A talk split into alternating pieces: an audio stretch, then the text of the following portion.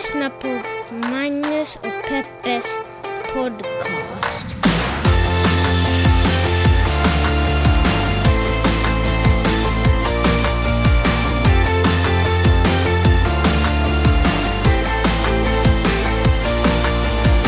Hallå internet och hjärtligt välkomna ska ni känna er till podcasten som i vanlig ordning heter Magnus och Peppes podcast. Därför att de två som hörs i den här, röst, i den här, eh, i det här Snyggt Magnus, vilken smooth början.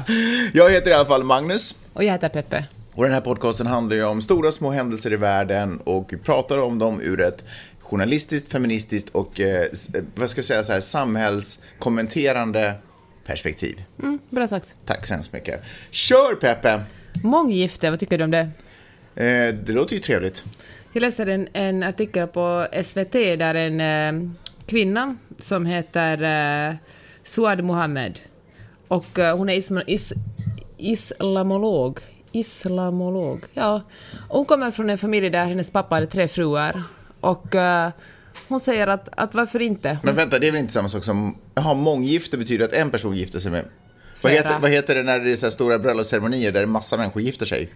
Ah, så det som... Vad fan heter... Um, mormonerna gör det kanske? Jag har ingen aning. Ja, skitsamma, men du förstår vad vi pratar om i alla fall. Du menar, du tänkte på ett jätte, jätte, jätte, jättestort bröllop där som 500 par gifter sig, som fortfarande är bara två personer som ingår ett äktenskap. Eh, exakt. Jag tänker på månggifte, som de flesta andra också tänker om månggifte, Mhm. att det är en person som har eh, flera partners. Okej.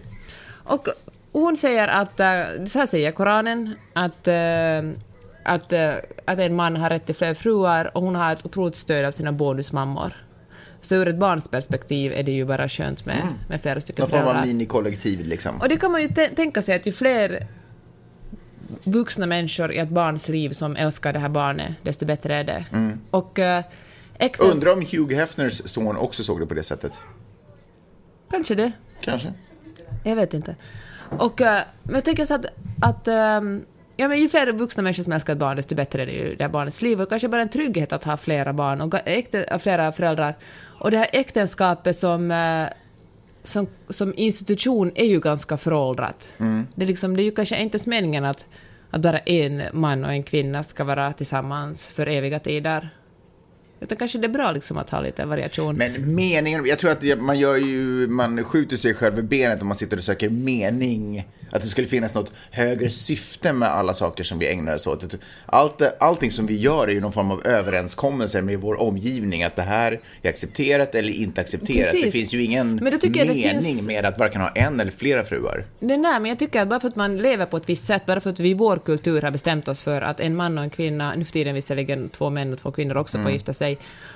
och leva tillsammans monogamt resten av sina liv. Bara för att vi är så, så vana vid det tror vi att det är det enda rätta sättet att leva på. För inte så länge sedan tyckte ju, eller det finns ju fortfarande massa människor som tycker att, att två personer av samma kön inte ska leva Fair tillsammans. enough. Men ur ett feministiskt perspektiv, eller bara ur ett medmänskligt perspektiv, så kan man ju tycka att det är underligt att den här vuxna kollektivet alltid består av en man och flera kvinnor. Fair enough, det var Om- dit jag skulle komma. Kan man inte tänka sig då en, en, där flera par så att säga, eller inte par, där flera människor helt enkelt bara går ihop och bestämmer sig för att hjälpa varandra Exakt. och stödja varandra Ja, och, och kanske ha eh, sex. Ja, varför inte? Ja. Det känns, alltså, jag önskar att jag var mindre konservativ när jag säger det här, men det känns faktiskt som sex alltid komplicerar det hela.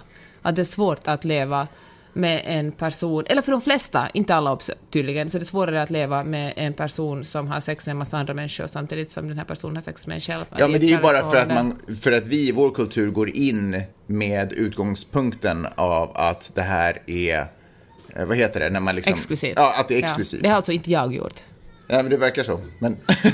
Jaha, du menar att du inte har gjort Okej, ja, men strunt samma. Men att, att det är ju därför det komplicerar saker och ting. Om, om regeln, om vi i flera hundra år hade levt i, i vårt samhälle där vi, massa vuxna bor ihop, då hade det ju varit konstigt om någon helt plötsligt hade krävt exklusivitet. Ja, det är bara du två, Ja, du och jag. Man bara, vad är, kommer det därifrån? Det är ju ofräscht att bara ha sex med en. Men då tänker jag, blir det liksom, blir det det man skulle måste rucka på en massa lagar och uh, vet du, så här, arvsgrejer. Då. Jag tänker så byråkratiskt kan det ju vara svårt att, uh, att justera allt så att en familj består av mer än två föräldrar. Men nu tycker jag att du drar in det som faktiskt komplicerar saker och ting och det är ju pengar. Det är ju det som gör att allting, jag menar om det inte fanns arvslagar, om det alltid var ett community som levde ihop så skulle det väl lösa sig om alla bara eh, hjälptes åt och hade lite talkoanda.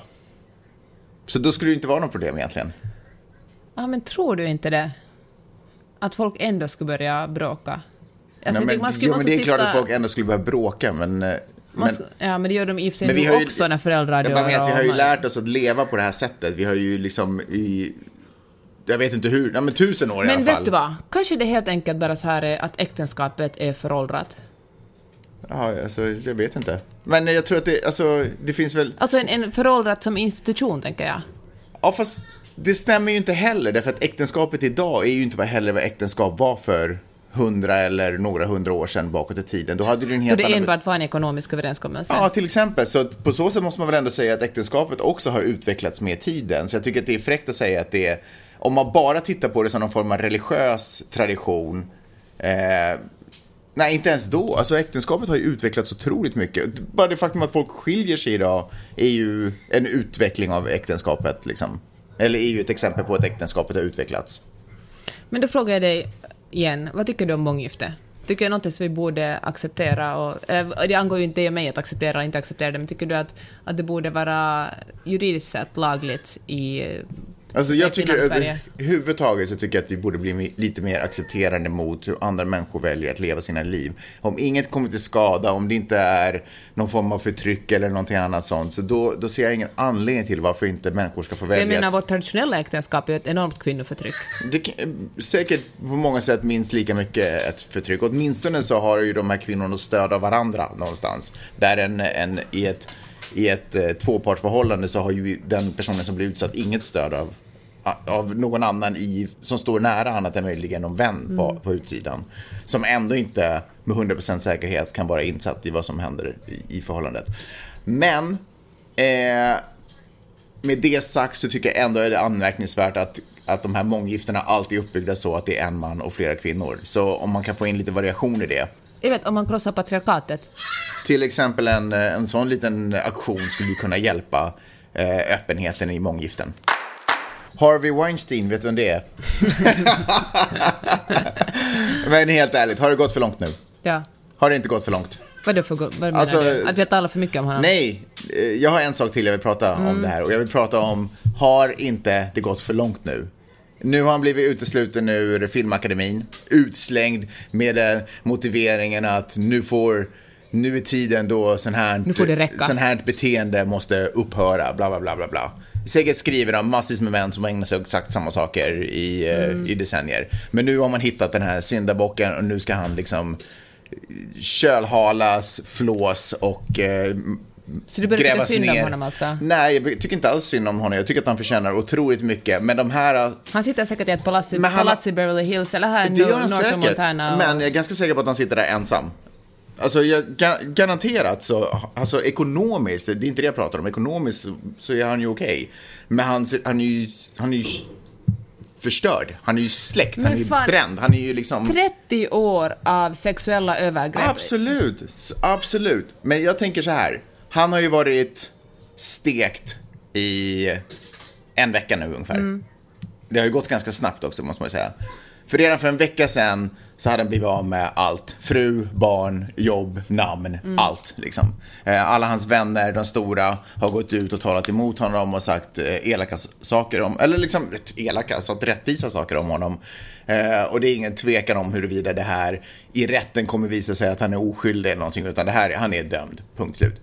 Och nu en vecka senare, nu kommer The Film Academy också slänger in den där lilla extra. Alltså, du menar att folk vädrar blod nu? Ja, han kommer inte gå faktiskt- tillbaka till Film Academy och sitta alltså, Nej. du vet, han... Okej, jag förstår vad du menar, men tänker du att folk på något sätt... eh, Jag tänker så här, Film Academy, de hade ett val, ska de hålla kvar honom? Mm. Då är det ett tecken att de tycker att det egentligen är helt okej, det var inte så farligt det de gjorde. Sant. Så jag känner att de kanske inte hade något val. Jag Många tror människor kanske- känner att de måste, de måste komma ut nu för att, för att hålla... För att... Trovärdig om- sin egen organisation liksom. Ja, för att skulle de vara tysta, skulle ett, en tyst tystnad är ju medgivande. Mm, det är sant. Men jag tänkte, jag tror att det kanske lite var motiveringen. Att nu är tiden då det här måste upphöra. Ungefär som att de har suttit där bredvid Mm. Guds tron med Jesus på höger sida och bara betraktat Nu sätter det här. ner foten, liksom. Nu, Ja. nu, får, nu har det verkligen gått för långt. Du vet, det här är redan överspelat nästan. Stormen har redan gått vidare. Ja, Förstår du vad jag menar? jag förstår verkligen, ja, jag håller verkligen med om Plus det. att det är inte över. det här, den här eran har inte nått sitt slut nu. Gud, det, nej. det var inte här nu som det liksom, nu började någonting bra byggas upp, utan det här är ju, jag menar, dagen efter de skrev den här grejen så satt de säkert på en strippklubb någonstans. Alltså det här är ju inte, Du menar att sexisten, sexismen i Hollywood inte har försvunnit ut med Harvey Weinstein? nej, absolut inte. Nej, men kanske han ger ett, ett, ett exempel, att folk är åtminstone lite försiktigare. Nej, men det tror jag faktiskt inte heller Nej, ens. men varför skulle de vara det? Det är ju Men, eh, fortfarande mansdominerat, det är fortfarande män i position, det är fortfarande sårbara kvinnor som hamnar i Okej, de här okej. situationerna. Så och här då. kanske intervjuer på hotellrum Ett aldrig sätt. kommer, kommer fortsätta. Fair, det är sant faktiskt. Ett sätt som man kunde råda bot på det här är ju helt enkelt att säga att från och med nu har vi, börjar vi ta in hälften kvinnor i den här, eh, i den här eh, akademin. Mm. Eftersom ju fler kvinnor med makt, desto större, Men- desto mindre risken Precis. att män i makt kan utnyttja sin och säga att jag kommer att snacka Men skit om inget dig. sånt statement har ju akademin Nej, gått ut med. men jag tänkte Så att man skulle kunna bullshit. rekommendera dem som jämställdhetskonsult, kunna rekommendera dem en, en vettig handling att göra, så kunde det ju vara ett sätt. Ju, ju mer makt kvinnor har i branschen, desto tryggare också kvinnor i branschen. Ja, så en liten hälsning till the, the Academy of uh, vad heter det, Film Arts. Motion pictures. Motion pictures. Uh, please, uh, ladies, I mean, uh, gentlemen, if you are sincere in your strive to uh, achieve more uh, equality, please, half of you resign, give room to women, and maybe, maybe we will see some true progress in the future. Talar du avsiktligt med, med accent? Det kändes bara trovärdigare jättekonstigt. Både resebranschen och modebranschen har blivit demokratiserad på senaste åren. Mhm. Vet du vad det innebär? Jag förstår alla orden, men jag förstår kanske inte sammansättningen. Förr i tiden så var det bara rika människor som hade råd och möjlighet att resa, eftersom de Alltså hade män. ledig tid och de hade semester. Mm. Sen kom facken in och började jobba för att också vanliga donare, arbetare som du och jag skulle kunna ta semester både sommar och kring julen. Och så kom charterflygen på 60 och 70-talet som gjorde att man, eller kanske tidigare, de första kanske på 50-talet. Men på vilket sätt är det här en demokratisering av det? Förr var det bara de rika som kunde göra en viss sak, men nu för tiden kan också, kunde också liksom vanliga människor resa och se världen Men- och njuta av sol. Förlåt, jag vill inte vara den som är den, men demokratisering verkligen rätt ord. Det är inte så att vi har haft mer inflytande över flygbranschen. Tvärtom har vi bara gjort den större och förstört mer tack vare Vad skulle det. du använda för ord då? Nej, men kanske man gjort det mer mainstream eller någonting. Anyway, det är, just det här ordet var inte, var det inte meningen att diskutera. Okej, eh, Okej, köra. och det är samma sak med klädbranschen. Förr i tiden så var det liksom, skulle man väldigt tydligt se på människor med mycket, med mycket pengar, för de, kunde- de hade råd att ha flera stilar. Mm. Ha fjäder i hattar, till exempel. Typ. Men i och med att, eh, att det kom en massa stora kedjor som till Och exempel på Zara. Lindex. Ja, Keep talking. nej. Vad mer hade man förr i tiden? Man hade, man hade sabel i sidan. Och, eh, och det gjorde att folk hade råd att köpa nya kläder, nya fina festkläder och, och till och med de här kedjorna som gjorde liksom lite finare kollektioner som H&M Studio som jag faktiskt upptäckte helt nyligen, nu gör jag reklam för dem, det vill jag inte göra, som i alla fall lite liksom trendigare, lite kläder som så, som så dyrare ut. Och, eh, och det har ju lett till att eh, fler människor kan klä sig snyggt och fler människor kan, eh, kan åka på semester. Det här med att turista har ju lett till att många ställen, till exempel i Venedig, så är det ju katastrof att så många människor turistar där. Och det är Varför lätt för att, eh, förutom att de, de fyller hela stan, Men varför sl- slutar de ta in turister då? Varför slutar de inte ta in turister om det Ja, men de jobbar på det faktiskt. Oh. Folk, och det händer också på, på vissa städer på, i Spanien, där liksom lokalbefolkningen demonstrerar mot, eh, och, mot turisterna.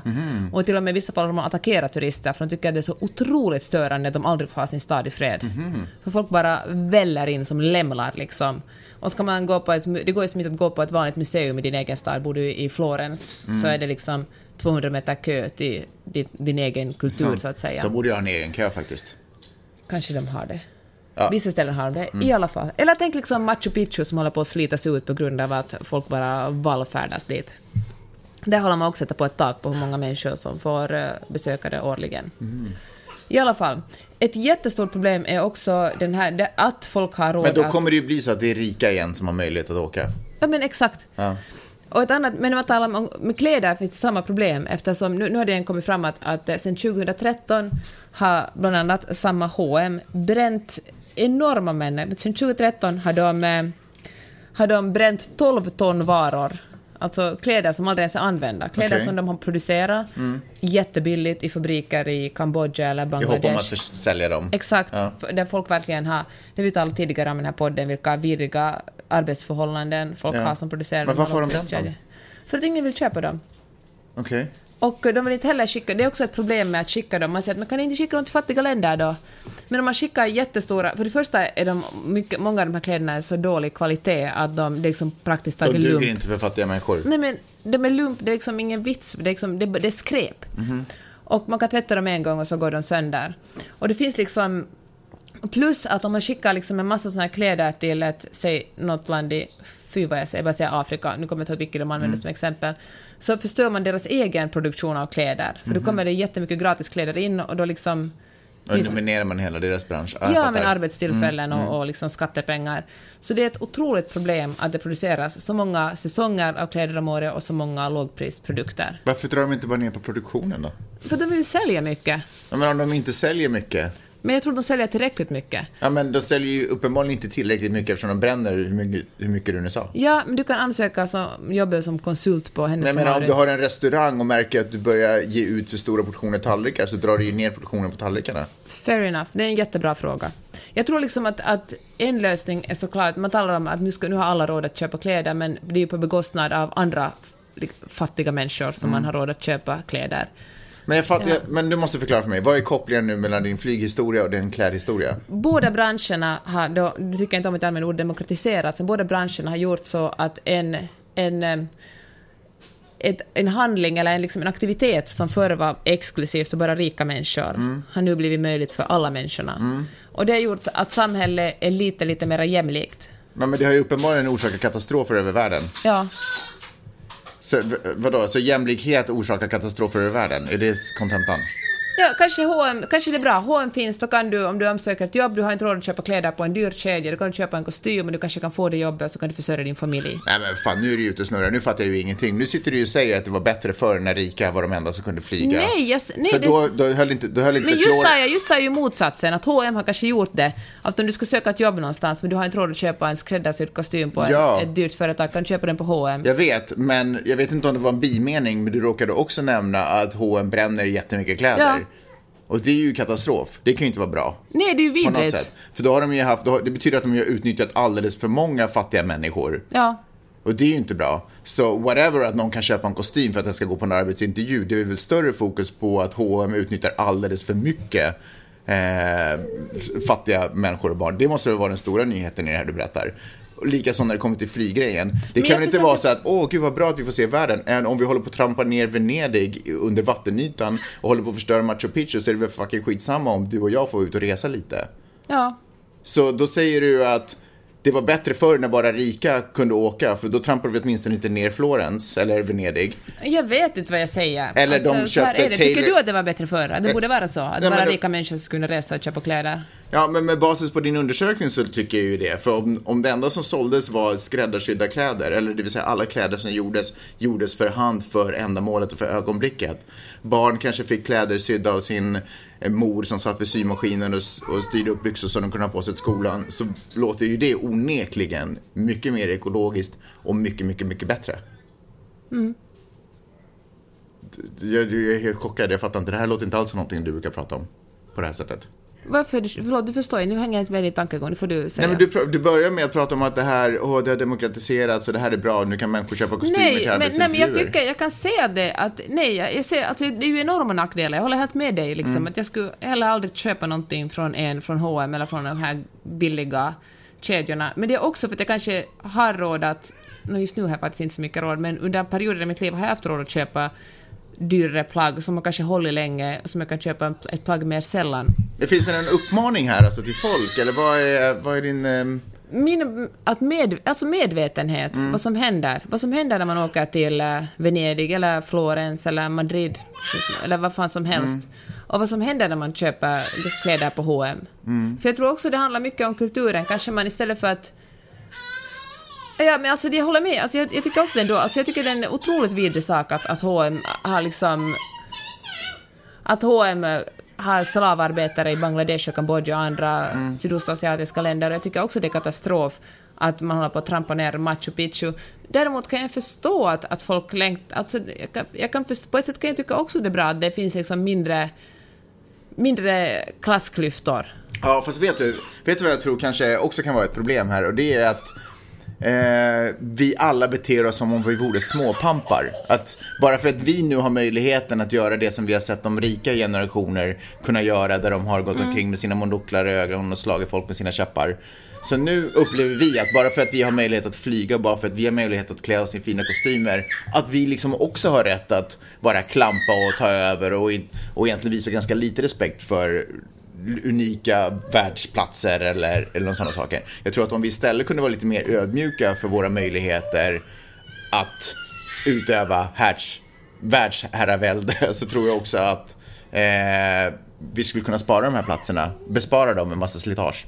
Sen finns det ju, det finns ju alternativ. Jag menar, som vår kompis Malin, eller Malin och Lisa har det Manjana Travel, som, som bara rekommenderar resemål som är både ekologiska och rättvisa, ger liksom folk som jobbar på hotellen rättvist betalt, och som ser till att pengarna som tillförs till det här hotellet också hamnar på området och inte åker till liksom något stort åker till Holland eller Storbritannien eller var det här företagets headquarter finns. H- Hade du läst om det här någonstans? Ja, jag lägger upp det, det finns på flipboarden. Vad, vad, vad, vad, liksom, vad, vad handlade artikeln om? Vem är det som har skrivit den här? Eller vad? Det var två stycken artiklar, en på Bonn Ja. som handlar om, eh, som handlar om det här hur man ska se sig, hur ska, hur man...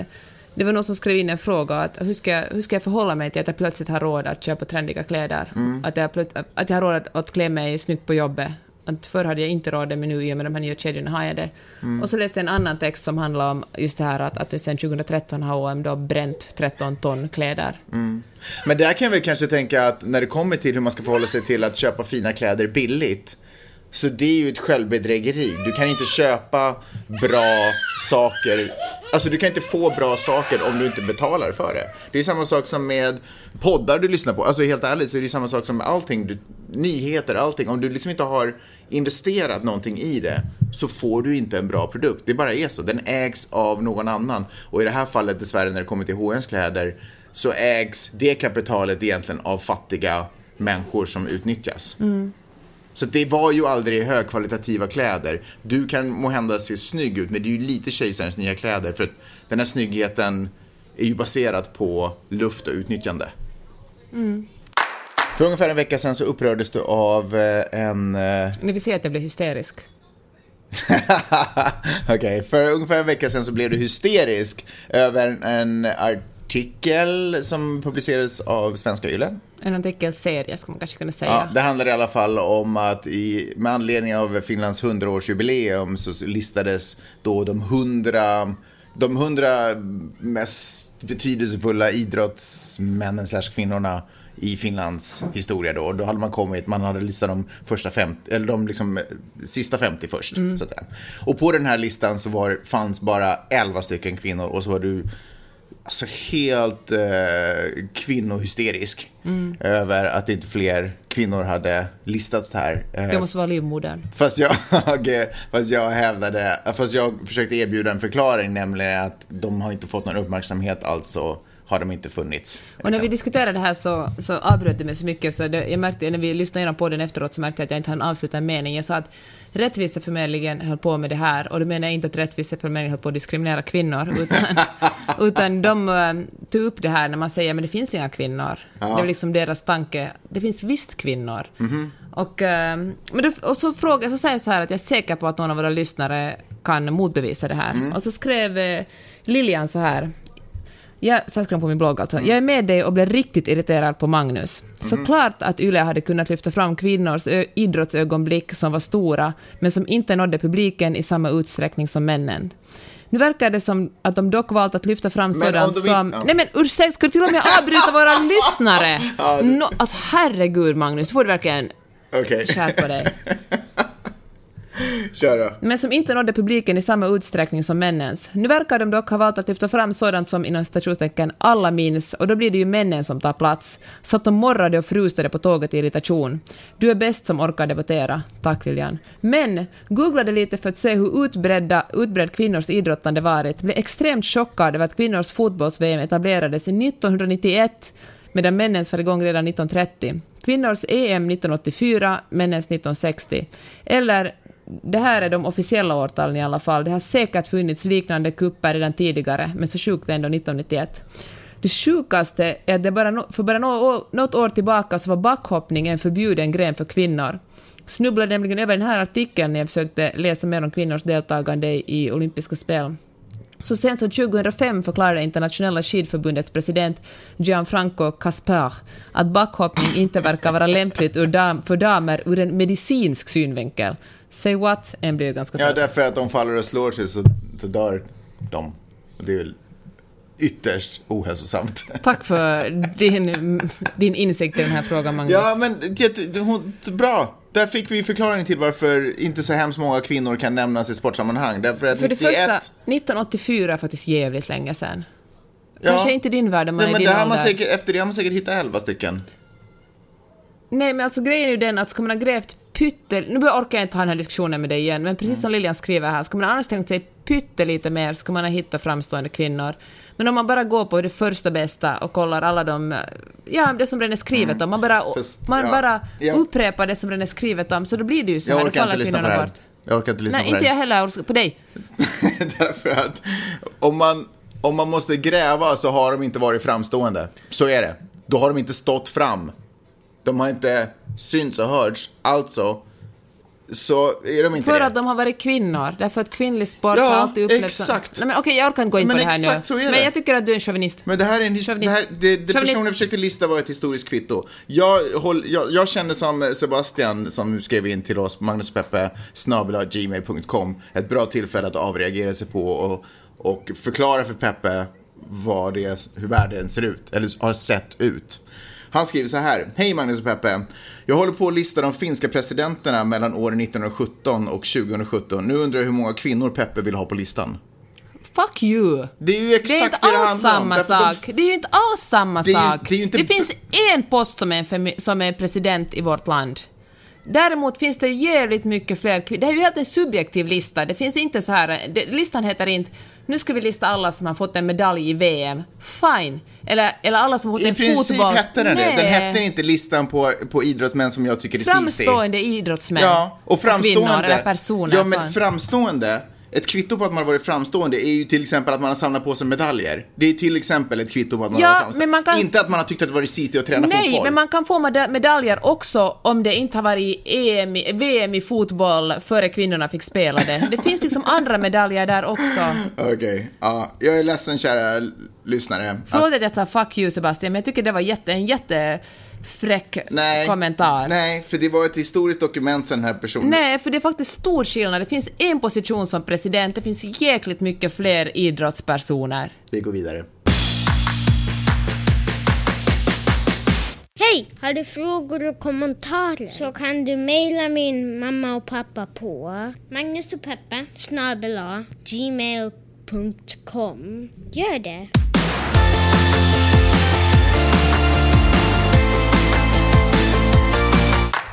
Jag skulle prata om tiden, Peppe. Tiden är ju det är ett spännande koncept. För den känns som att det är någonting som hela tiden tickar på, någonting eh, bortom oss, någonting som har liksom, eh, som en naturlag, som gravitation eller någonting. Eh, samtidigt så, eh, så tenderar den ju att vara så sjukt individuell. Jag menar, Vidars tidsuppfattning kan ju lätt mätas i tålamodet som han till exempel har i väntan på sin födelsedag eller att han fyller år i mars är ju liksom det är så långt borta så han kan gråta vid tanken och att han måste vänta så länge. Medan jag är sådär, men herregud, det är ju mars snart. Liksom. Du fattar. Så eh, jag satt och lyssnade på Ted och Kai, deras podcast Superrolig och bra. som jag tror heter Ted och Kai. Och i förbigående när de höll på att diskutera någonting så nämnde Kai att Zlatan Ibrahimovic. Känner du till honom? Nej. En jättestor kvinnlig fotbollsspelare i Mm, haha, jag skojar bara. under den senaste, som har varit stor de senaste hundra åren. Eh, I alla fall, han, eh, han har tydligen förmågan att i en eh, matchsituation så när han är liksom i någon sån här, ett ögonblick där så har han beskrivit det som att tiden stannar för honom och han kan se alla liksom utväg. Förstår du vad jag menar? Ja. Det som händer i verkligheten Som ett schackspel där Ja. han kan tänka att nu om jag gör det här, det här draget så kommer det här att hända. Så medan han liksom kanske ser en boll på väg till sig så är det som att tiden bara... Och så bara ser han hur den personen är där, den personen är på väg ditåt och den personen är på väg ditåt. Och då är det inte så konstigt för då har han ju jättemycket tid att planera vart han ska lägga bollen och sådär. Och därför så är han ganska framgångsrik i det här. Och det finns... Ganska. Kom si, kom så. Kom si, kom så. Eh, och, och det finns, an, det finns liksom, ja, jag vet inte hur trovärdig det är med och jag kan inte ens ge en referens. Ja, men precis. Nej, men det finns undersökning, eller någon form av studie som har gjorts, men det kan mycket väl vara på kvasinivå. Eh, men som ändå tydligen har visat att tiden går långsammare för dig om du fokuserar på ögonblicket och nuet. Vilket skulle kunna bevisas med Zlatans upplevelse av. För han är just i det ögonblicket. Han sitter inte och tänker på en inköpslista han ska ha, Nej. så lägga upp på ja, Amazon. För sunt är patriarkatet att det får hans fru göra. Exakt, hon sitter på läktaren och bara, ah, vänta, hon har inte sett någonting av matchen. Just det, det fanns bara så här mycket mjölk kvar, det måste man köpa. Exakt. Och nu håller- ska han sparka bollen, men vi behöver också blöjor. Eh, men, eh, och så. Eh, att, att om man lever i nuet och i stunden, så då kan man också dra ner upplevelsen av tiden. Och egentligen, om vi ska vara helt ärliga, Det är det som barn gör. Måhända, ja, men exakt. Måhända är det så att, eh, att tiden är ett fys- något fysiologiskt. Jag är inte tillräckligt mycket fysiker för att kunna avgöra det. Kan använda ordet smart. Eh, men måhända är tiden egentligen bara vår upplevelse av den. Och allt annat är irrelevant. Eh, och om man upplever att tiden går för snabbt så kanske det är en tendens, ett tecken på att man egentligen hela tiden lever lite i framtiden. Man sitter hela tiden och lever i någon plan om vad man ska göra, vad som komma, det kan vara att man är rädd för någonting som snart kommer inträffa eller, eller man sitter och hoppas på att någonting ska inträffa eller man har en idé om hur man vill att den här framtiden ska se ut. Men om man istället kanske lärde sig att titta på ögonblicken runt omkring en så skulle man ha en helt annan, en helt annan förhållning. Man skulle förhålla sig på ett helt annat sätt till tiden. Det tycker jag är otroligt intressant. Men alltså det, som, det du snackar om är mindfulness nu. Eh, Jag vet inte vad jag pratar om, jag pratar om tid tänkte jag. Men är inte mindfulness... Och så vill jag nämna Zlatan också. Du, Nej, men är, är det det ja, mindfulness men är? jag fattar det du menar. Jag, jag brukar tänka så här, nu när, vi, när Mm. jag är ute och springer till exempel, så springer jag under ett gäng palmer och så går solen ner i Stilla havet, Mm. så brukar jag faktiskt tänka så här, herregud så jag är lycklig just nu, så Mm. bra det är just nu. Men då kommer jag på mig själv att jag är så mycket av en duktig flicka, och, eller, eller kanske, prest, nej, kanske mer prestationsinriktad. Mm. Och jag tänker så här att om jag tänkte det här nu, jag tänker det spontant, men i efterhand tänkte jag att, att eh, gör det här något gott för mig att jag tänker så här? Har jag liksom tjänat in någonting? Har jag liksom byggt en bank av lycka för att jag tänkte och kände så här nu? Förstår ja, du? Ja. Och då tänker jag, då tar det nästan bort den känslan, för att det känns som om allt jag gör måste vara till någon nytta, antingen för mig själv eller familjen eller någon annan. Mm. Ja, jag förstår vad du menar, men är inte det där vårt liksom lutherska ok på något sätt? Att vi får aldrig riktigt vara nöjda och lyckliga för den Bara stunden. just nu, sen Ja, liksom. för allting handlar om att vi ska tjäna för någonting för framtiden. Ja. Vi ska vara goda och vi ska vara bra för att eventuellt i framtiden åtminstone kunna få njuta av eh, tio oskulder i himlen eller vad det nu är, är lovade.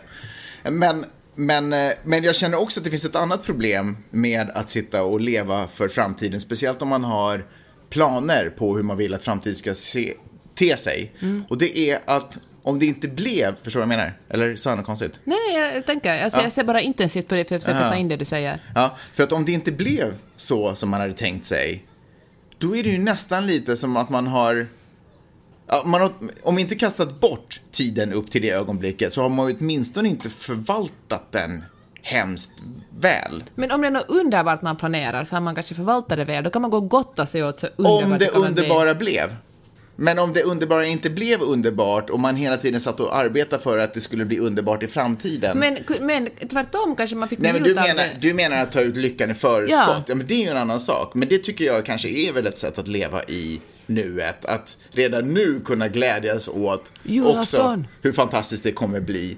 Men ofta så är det ju så att vi inte tillåter oss själva att glädjas nu. Dels för att det, man vill inte jinxa eller det finns massa andra Mm. negativa saker som kan hända om jag går omkring och känner mig för glad nu. Så istället så tänker jag sådär att jag jobbar hårt och jag gör det här bara för att sen i framtiden... Då kommer jag att få min eh, lön, då kommer jag att bli, ja, du kommer att bli belönad. Ja.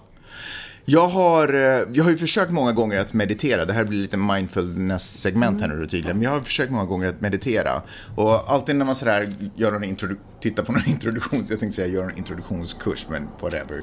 När jag tittar på någon introduktionsvideo på YouTube om hur man ska meditera så handlar det om att man ska fokusera på andning, man ska känna andningen man ska låta hjärnan försöker hela tiden distrahera en med liksom viktiga tankar. Eh, men man ska liksom bara låta dem komma och sen bara försöka, inte stanna vid dem, utan låta dem komma och gå och bara hålla sig vid den andningen. Och det har varit helt omöjligt för mig. Helt omöjligt för mig att hålla på att bara fokusera på min andning. För sen finner jag mig själv att hålla, sitta och tänka på hur, liksom...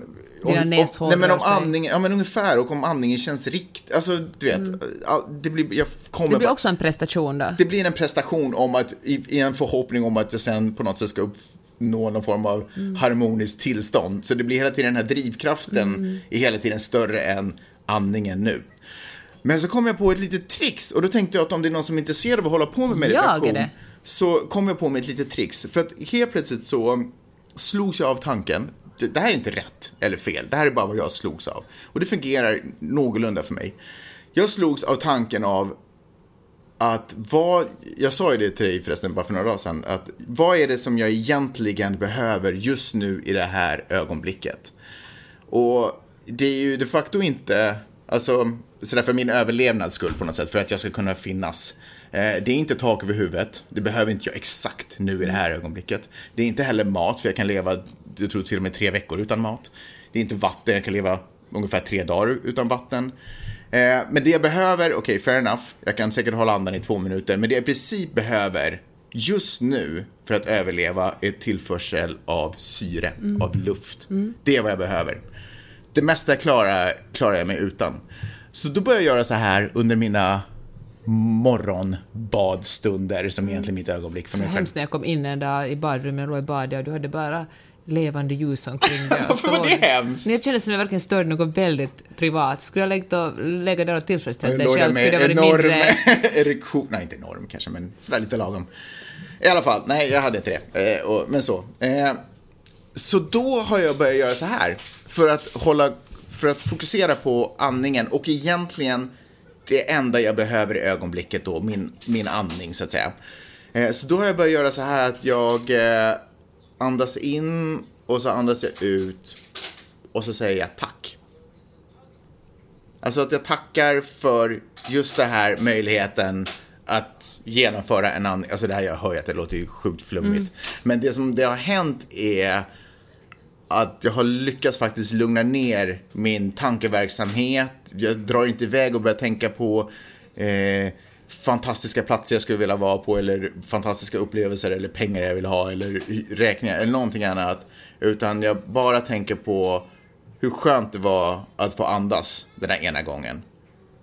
Och hur skönt det var att få andas igen och igen och igen. Och så blev det liksom ett sådär det blev ett lugn i det. Jag hittade ett lugn i det, för jag fick en uppgift på något sätt i, i lugnet. Så det är bara ett litet tips. Och plus att då kändes ju badet mycket, mycket längre. Och det kändes mycket skönare, så det var ju på något sätt positivt också. Det var allt jag hade att säga. Har du några kommentarer på det? Nej, det var bra. Tack. Mindfulness-skolan. Har du hört talas om The Minimalists? Eh, nej, vänta, en ja, nej. podcast och de har gjort en, eh, en dokumentär också. Två Mm. Tre minuter eller?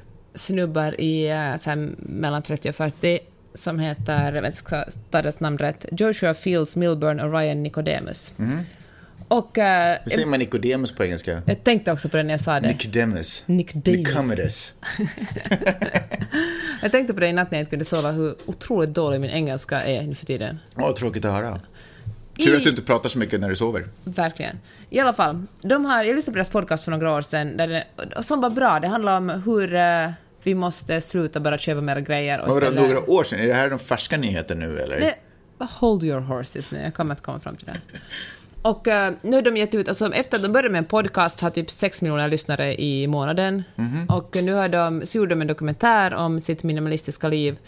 Och, uh, och nu har de också skrivit en bok som de säljer, vilket ju faktiskt känns liksom inte så minimalistiskt att tråka på grejer på folk. Och uh, de, de sa i alla fall i podcasten att ett medelhushåll i USA har 300 000 saker. 300 000 saker? Ja, jäklar vad mycket det låter. Men kanske det är så, ja. Om man räknar allt från gem till skor och ja, och så individ, all, Man får räkna alla gemen, inte ja. så här gem 1, utan gem 1, gem 2, gem 3. Men alltså amerikaner shoppar ju väldigt mycket. Mm. Det är ju för sig du också på Amazon. Mm -hmm. I alla fall. Och de pratar om det här att göra sig av med grejer. Det är du som... Ja, hur man, hur man eh, hur man egentligen måste försöka jobba så man inte blir lycklig av materiella ting, utan istället göra sig av med grejer. Ja. Och då har de bland annat en sån här utmaning där man ska utmana släkt och vänner, eller kanske bara sig själv, där man dag ett ger bort eller kastar bort en grej, dag två två grejer, dag tre tre grejer och så vidare. Okej, okay, för att istället bidra till sopberget eller? Exakt. Exakt. Jaha, det var ja. din tanke. Jag tycker att det är liksom, det är jättekonstigt det där. Alltså Men ge bort kan jag väl köpa, det är väl ge, ganska ja. schysst. Och kanske han har liksom ha grejer, ge grejer som man tycker är kanske fina men känner att jag inte... Det är Marie Kondi, du vet den här boken av den japanska författaren som, han, som säger att man ska göra sig av med alla grejer som inte ger en genuin lycka. Man ska mm. ta fram allting, vare sig det är klädesplagg eller kärl. Mm. Och ta fram det, se på det, om man inte känner jag älskar dig så ska man ge bort det. Jag köp vem är man som känner jag älskar, okej okay, det kanske existerar men där är inte jag, med någonting jag har. Men jag kan köpa det. Och helt ärligt, nu var det kanske lite, det är lätt att, så här, att alltid hitta något negativt när de mm. försöker bidra till, och kanske är det så att det måste bli lite sämre för att det också ska kunna bli bättre, för med den inställningen så kommer vi inte sen köpa på oss en massa nytt. Nej men exakt, jag tänkte, jag tänkte för min första reaktion var exakt som din, att jaha, det är så typiskt medelklass projekt där mm. vi positionerar oss och skapar någon sorts identitet. Nu är jag en minimalist, mm. alltså har jag bara två tallrikar, två glas, en gaffel, en kniv, mm. torkar mig på eh, tygstycken eller bara, med, eller bara med handen och, ja. och vet du, istället alltså, för att köpa toapapper. Vi kunde alla se över vår konsumtion och fundera på om vi verkligen behöver det vi shoppar. Men det finns ändå något som skaver mig i det här, för det verkligen... Ja, men det känns Okej, okay, man kan tycka två saker samtidigt. Man kan liksom göra något som är bra för miljön och eh, men samtidigt känns det här väldigt mycket medelklassigt självförverkligande projekt, identitetsskapande. Så jag skrev någon på min blogg när jag skrev om det här, så här att, att, det är liksom ett, eh, det är lätt om man är medelklass. Du kan bara ha två tallrikar och, eh, och två par byxor. Och om någonting går sönder kan man alltid köpa en ny grej. Man kan också göra sig av med grejer, för man vet att det ändå finns resurser till att köpa nya grejer. Men är man på riktigt äh, fattig så är det kanske mycket svårare att vara minimalist, för det vet man aldrig när man kommer att behöva de extra tallrikarna. Det här handlar väl inte om att simulera att vara fattig, det här handlar väl om att försöka komma till bukt med sitt eget behov att helt enkelt köpa saker. Ja, och det kanske är faktiskt ett du projekt som riktar sig till... amerikaner har 300 000 saker hemma. Ja. Det är ju för mycket. Det är ju för... Jag håller med det om det. fattar ju alla. Men jag tänker att man måste också, alltså, jag vet inte, någonting, de var så otroligt självgoda bara de här eh, programledarna. Mm -hmm. Men det kanske säger mer om mig än om dem att jag tycker det. Att det kanske finns något i mig som bara blev väldigt provocerat av den här tanken att man ska leva minimalistiskt. Och det är inte, jag tycker, alltså jag håller med om att det är en bra sak, men, eh, men det känns ändå som ett, ett positionerande. Sådär som folk säger, nu ska jag bli vegan för att uh, Leonardo DiCaprio har sagt att det är bra att vara vegan. vegan. Men det är dålig sak. Nej, men det är också bra. Men det är så jag, konstigt. Det är liksom... Jag, jag tänker att man kan vara flera saker samtidigt. Det kan vara en bra sak. All, vi kan inte alla vara Gandhi. Det, liksom, det går inte. Vissa av oss eh, eh, måste göra saker och ting för att vi vill passa in. Inte för att vi förstår eller tror på the big cause.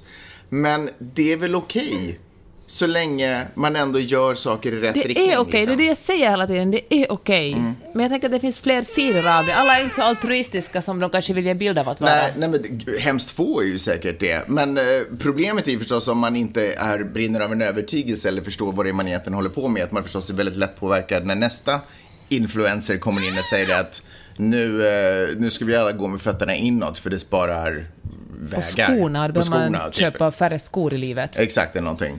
Eh, men, eh, men ändå om, om det lyckas vara någon som binder upp folk kring ett positivt budskap och ett positivt sätt att leva så fan, more power to you. Det är väl ett fantastiskt sätt att använda sina sina resurser och sina influenser, eller sin influens. Sen tror jag faktiskt ännu, vi börjar med att tala om, om att H&M och de här lågpriskedjorna producerar kläder som de sen förstör utan att någon någonsin har använt dem.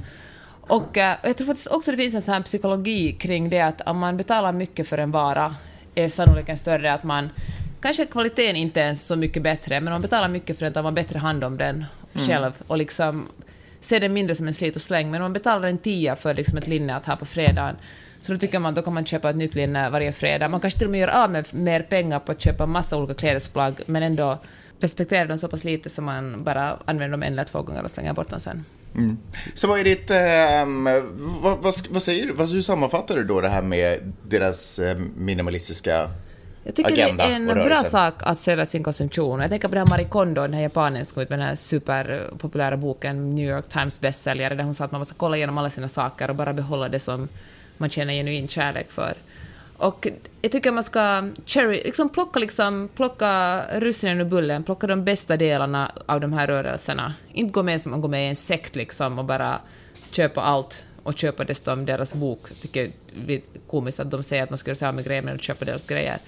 Men, äh, ja, men inte heller liksom fylla ett lass med grejer och föra för det till soptippen för att man nu ska bli en minimalist, utan ska man göra sig av med saker kanske man gör dem av genom att ge dem som presenter eller använda dem tills de verkligen är slutanvända och sen först göra sig av med dem. Reparera och fixa. Så, podden börjar lida mot sitt slut, eller det här avsnittet börjar lida mot sitt slut, men några saker innan vi slutar. Det ena jag skulle vilja ta upp är att Larry Flynt, den här porrtidningsmagnaten, han har erbjudit 10 miljoner dollar för den som kan bidra med information som kommer leda till att Donald Trump avgår. Att han ja. blir ställd inför riksrätt? Ja, men att han, eller att han bara försvinner från president. Jag tror att Larry Flint är föga intresserad av hur det går till, bara Donald Trump försvinner från, försvinner från sin position. Vad, vad tänker du där? Spontant? Jag tänker att det här som början på The Amazing Race, han bara “the game is on” okay. och du bara drar folk iväg för att eh, 10 miljoner är ju en ganska anmärkningsvärd summa ändå. Mm. Då blir man ju bara lite sidospår. Vad skulle kunna vara den informationen som får honom fälld? Jag tänker att det måste vara någonting som handlar om landsförräderi det måste vara alltså, något som har med Ryssland att göra. Jag tror att han kan slinga sig ur vad tusan som helst. Den, den, den här landsförräderigrejen håller ju redan på. Den är ju liksom FBI redan på. De, de håller ju på med en undersökning. Mm. Och de har ju inte, liksom, det har vi inte hört någonting om. Eh, så jag undrar alltså vad, jag tror att det är... Jag tror i och för sig att eh, Trump kommer att avgå innan han blir impeached, men det är en annan diskussion. Mm. Men det jag egentligen skulle komma till var Larry Flynt, som då inte själv är en av kanske Guds bästa barn, som har gjort en karriär och ett liv och en förmögenhet på att egentligen exploatera kvinnor. Fast han också då förstås i vissa kretsar kallas för en av de här männen, precis som Hugh Hefner Hug. alltså, jag är så rädd för att säga huge Hefner. så jag, kan inte du kan bara bokstavera det. Mr Hefner. Eh, att eh, han har bidragit till eh, kvinnans sexuella frigörelse under 60 och 70-talet. Eh, han blev ju också skjuten för... Eh, mm. ja, under Vi har alla sett filmen med Woody Harrelson i huvudrollen. ja, faktiskt väldigt bra porträtterad. Ja. Väldigt bra film. Anyways, så, men. Hur är det att en, en sån person sätter ut ett pris på en annan tveksam, dubiös människas huvud. Det är ju liksom som en, en gunsling-grej mellan två kriminella. Fast jag ser inte riktigt... Uh, alltså jag, jag håller med om att, att uh, Larry Flint kanske inte är Guds bästa gosse och att mm. han verkligen utnyttjar kvinnor för sin egen vinnings skull och kanske gömt sig bakom yttrandefriheten. Ja. Men eh, jag, jag, det slog mig faktiskt aldrig att det här skulle vara en fråga, att det är liksom fel att det är just han. Att det borde vara liksom en genuint god människa som erbjuder de här pengarna. Eller tänker du att han har en egen vinning i det här på något sätt? Uh, nej, det vet, ja, kanske, kanske inte. Det, det vet jag i och för sig inte heller. Men jag menar, ska vi... Ska vi ta emot sådana här uppdrag av vem som helst i samhället? Alltså, en massmörd, tänk om en massmördare hade gjort samma sak. Är, är det okej, okay, liksom? Fast är Flint dömd för någonting? Eller liksom, står han under rätta för någonting? Eller liksom, är, han, är han kriminell? Nej, men vi vet, men han har ju fortfarande en, en porrtidning. Alltså, jag menar, han... Det är, det är väl inte okej? Okay, eller? Är det okej? Okay? Men jag tänker så här att när det handlar om en sån här fråga måste man ju fundera, när vi talar om goda och dåliga människor, mm. och just när det handlar om den här frågan att, att liksom den här människan erbjuder så och så mycket pengar för att uh, få, få ställa, eller få avsätta presidenten, Men... då handlar det om det är en brottsling tycker att en dömd brottsling eller någon som ligger under undersökningen för att han är anklagad för ett brott, tycker det är en sak.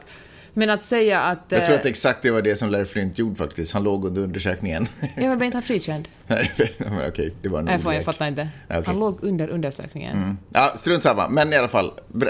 Men är det det som är liksom kriteriet? Att man, om man inte är dömd för något brott, då spelar det ingen roll vad man har haft för moralisk påverkan på samhället? Fast jag förstår inte kopplingen på riktigt. Kopplingen är, ska vi låta, alltså jag, tycker inte bara att det är på något sätt, det känns konstigt. För mig är det kanske lite som att, eh, vem fan skulle kunna vara, skulle kunna komma tillbaka från de döda och, och erbjuda, Judas kommer tillbaka från, Judas Iskarot kommer tillbaka från de döda och erbjuder 10 mil- miljoner dollar för dem som, för den som kan fälla Trump. Man bara, men du sålde ut Jesus, vad är det här? Vad gör du nu? Ja, ja. Är det inte konstigt? Eller är det helt naturligt? Eller är du så desperat över att han ska försvinna så att vi är redo att ta emot... Eller är vi så Fast jag desperata? tycker inte att... eh, no, alltså så här tänker jag. Jag förstår vad du menar, att, han är, att, att Larry Flint är på, något Nej, men sätt, på Hitler, många sätt ett liksom. as. Men Hitler var ju också en massmördare och liksom, man ska inte ta livet av sig. Mm. Men aldrig ska dömd. Ska inte ta livet av sig så kan han också ha ställt, ställt sig för rätta i Nürnberg. Jag menar... Men uh, jag tycker det är svårt, alltså jag håller med att, jag håller, tycker som du att Larry Flint inte, det han håller på med inte är moraliskt okej. Jag tycker inte att det är rätt att exploatera kvinnor på det sätt han gör och, och bilda sig en förmögenhet på det och gömma sig som sagt bakom yttrandefriheten. Men samtidigt tycker jag att, uh, att det, det är svårt det där att, att eh, när det kommer till så här väldigt konkreta saker, när vi kan inte ta emot pengarna av dig, ta emot pengar av fan, det är den som faktiskt får Ja. Donald Trump avsatt som kan avgöra om hen vill ta emot pengarna eller inte. Men jag tycker det är svårt att sitta och döma människor i en sån här konkret fall, att jämföra liksom Larry Flint med Hitler eftersom, eller Judas. Nej, det, fast det, var- jag vill inte jämföra dem som personer, men jag bara försökte ta fram andra exempel på tveksamma liksom, människor som... Ja, men du, är- du är tacksam för det, så du har Jag, gett jag, ut på tänker, jakt, alltså, eller? jag tycker det är en intressant fråga du ställer, för det slog mig aldrig någonsin att, det, att liksom fokus skulle ligga på Larry Flint, att den som ger ut de här pengarna, är det liksom vill ge ut de här pengarna. Mm. Jag kan måste förstå det om det ska vara, om det ska vara Putin till exempel. Mm. För det är ju en främmande makt som uppenbarligen står i clinch, både inte clinch och inte clinch med USA, eller, eller Kim Men på Jong-Un. vilket sätt är det främmande? Ah, vadå, du menar att det är ett annat skulle, vara en, land? då skulle det vara en krigsförklaring. Om ett annat Ja. land skulle erbjuda att vi vill avsätta, då skulle det liksom vara någonting, det skulle vara en, en eh, Ja, men det skulle vara en krigsförklaring, det så vi här- vill avsätta Ja. president. Men om någon av landets egen medborgare som inte, eller som är kanske dömd från ett brott men har liksom frigetts, då tycker jag det är kanske en annan... Det är svårt för när det, det blir som en, en luddig Jag fattar inte vad det har att göra med huruvida han är dömd för brott eller inte. Det måste finnas massvis med kriminella människor. Okej, Weinstein. Om han... Weinstein. Weinstein förstås. Om han skulle erbjuda nu, han är ännu inte dömd för någonting. Men han ligger under Ja, undersökning. men fan, är det fokus på huruvida de är dömda eller inte? Är det det som är det relevanta? Ja, Ja, men jag fattar Det- inte vad det har med den här saken att göra riktigt, men det är kanske jag som är bara sådär inte så smart, som inte riktigt fattar kopplingen här. jag tycker Jag var- fattar om det finns liksom ett utrikespolitiskt intresse, eller om det är en kupp till exempel. Det finns en, en grupp människor som vill ta över USA istället Mm. för, för, för att liksom ha den nuvarande pre- presidenten. Om det, om det här liksom... Om, eh, då, tycker, då förstår jag, då blir det liksom konstigt. Eller då liksom blir det ett, ett, ett, politiskt problem. Mm. I och för sig är det kanske också ett politiskt problem att, att, att folk är så otroligt missnöjda med presidenten. Att man- Och att och folk är så otroligt rika att man kan göra en sån här grej. Verkligen. Det är väl ett, ett demokratiskt problem om inte om något. Just- För i princip så kan ju Larry Flint påverka demokratins utfall i det här Ja. landet. Det är, inte, det är slänga till. intressant. där. Det är ju otroligt intressant. Och då kan man börja fråga sig, men på vilket sätt kop- eh, ligger kopplingen i att han exploaterar kvinnor? Nej men jag tycker det, bara, det är väl intressant att en, eh, en ganska tvek, en tveksam personlighet överhuvudtaget är den som kliver fram och gör en sån här grej. Ja. Jag menar varför har till exempel inte eh, Steve Jobs är död, men någon annan som är, har en positiv liksom, klang, som har gjort bra saker för det. Elon Musk, varför har han inte erbjudit 10 miljoner dollar till att få Donald Trump impeached? Eller varför har inte... Fast jag tycker bara fråga om tid. Det skulle inte överraska mig så mycket om just Elon Musk skulle göra det. Eller varför Han har... ju också vara en douchebag i och för sig. Men sen var drar man gränsen? Han har ju också gjort en massa bra saker. Ja, men någon, eh, någon som har en positiv klang. Arnold Schwarzenegger, jag vet inte, men du vet, förstår vad jag menar? Varför, det här är ju... Förstår du? Det här är ju människa som, eh, liksom, om det hade varit en film så hade han rört sig i skugglandet Ja, jag lite. fattar. Mm. Ja. Ja, jag fattar. Men, ehm, ja. Ja, ja, jag ser... Alltså jag tycker som Är sagt... det okej? Är det så här... Ja. Är det, det är okej? Ja. Det är så här demokrati, demokrati ska behandlas? Nej, det så här ska inte demokrati behandlas, men jag tycker inte Det här är ju en att- statskupp egentligen, Jag tycker inte... av en ja, men det är en helt annan diskussion. Det som du säger att det ska blanda in är att han exploaterar kvinnor. Jag kan inte fatta ett stöd att försvara någon Jo, som en- Får jag ta till punkt nu? Att en person som... Jag, sitter, jag tycker att hans exploaterande av kvinnor är en sak. Mhm. Att han försöker påverka demokratin är en annan sak.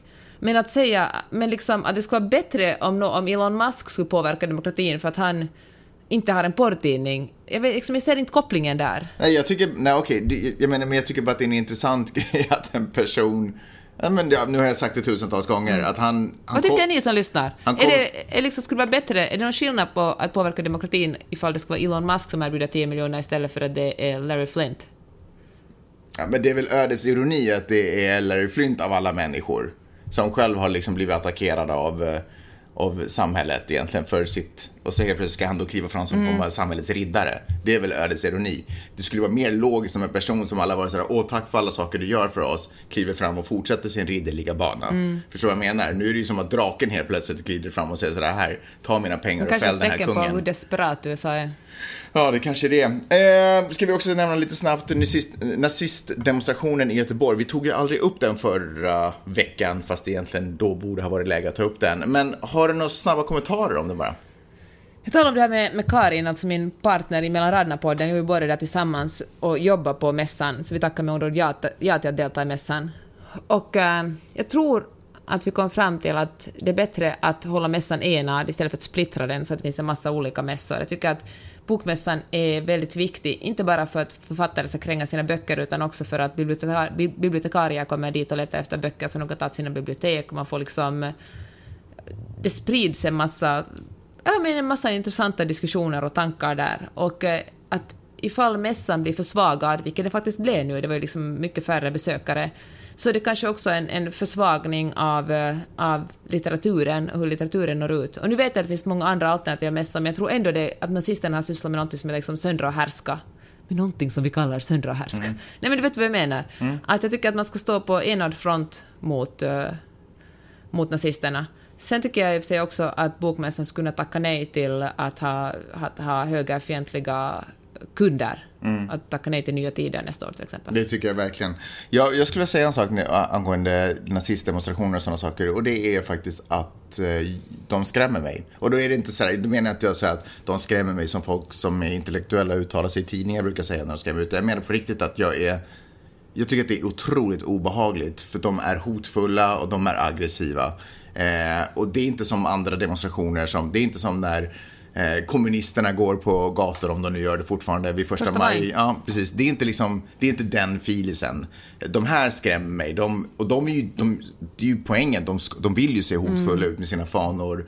Ja, det har väl kanske andra också. Men eh, de vill ju se hotfulla ut, så det är ju liksom en del av deras poäng. Och där tycker jag är egentligen den stora anledningen till att jag inte tycker att de borde tillåtas att ha demonstrationer. Därför att jag vill inte, vi ska väl inte ha ett samhälle där det rör sig människor på gator som, som syftar till att skrämma och passivt hota andra människor. Det kan ju liksom inte vara... Jag tycker bara inte att det är okej. Okay. Och det har ingenting med yttrandefrihet att göra. Jag tycker absolut att de har rätt att samlas i små rum och diskutera vad de tycker och tänker. Eh, men, men man måste ju... Alltså det finns ju också ehm, liksom, det finns ju lagar om hets mot folkgrupp och det finns ju andra lagar Men som handlar skyddar... inte, man säger att de får, de får demonstrera för att annars skulle det vara hot mot yttrandefriheten, men att deras demonstrationer gör att folk är rädda och håller tyst, det är ju definitivt ett hot, hot mot yttrandefriheten. Ja, för det, det, i deras fall så är det ju gräns, de rör ju sig i, i skugggränsen mellan att är det en demonstration eller är det en, eh, vad heter det när arméer marscherar? Alltså, eller är det en marsch, eller liksom en, eh, en militant marsch liksom. De vill ju få det att framstå som en militant marsch. Det är därför de har sina hjälmar och sina eh, skyddsgrejer och alltihopa för att det ska se liksom mer hotfullt. Och då tycker jag att de rör sig på en helt annan spelplan och det borde inte vara tillåtet i vårt samhälle. Ja, det var nog bara det jag hade att säga om det. Ehm, tack för att ni lyssnade den här veckan.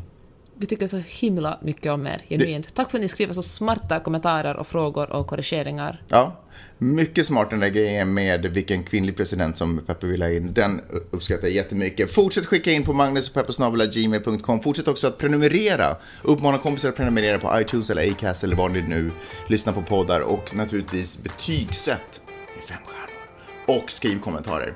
Vi hörs om en vecka, eller vi hörs på fredag. Hejdå! Hej då!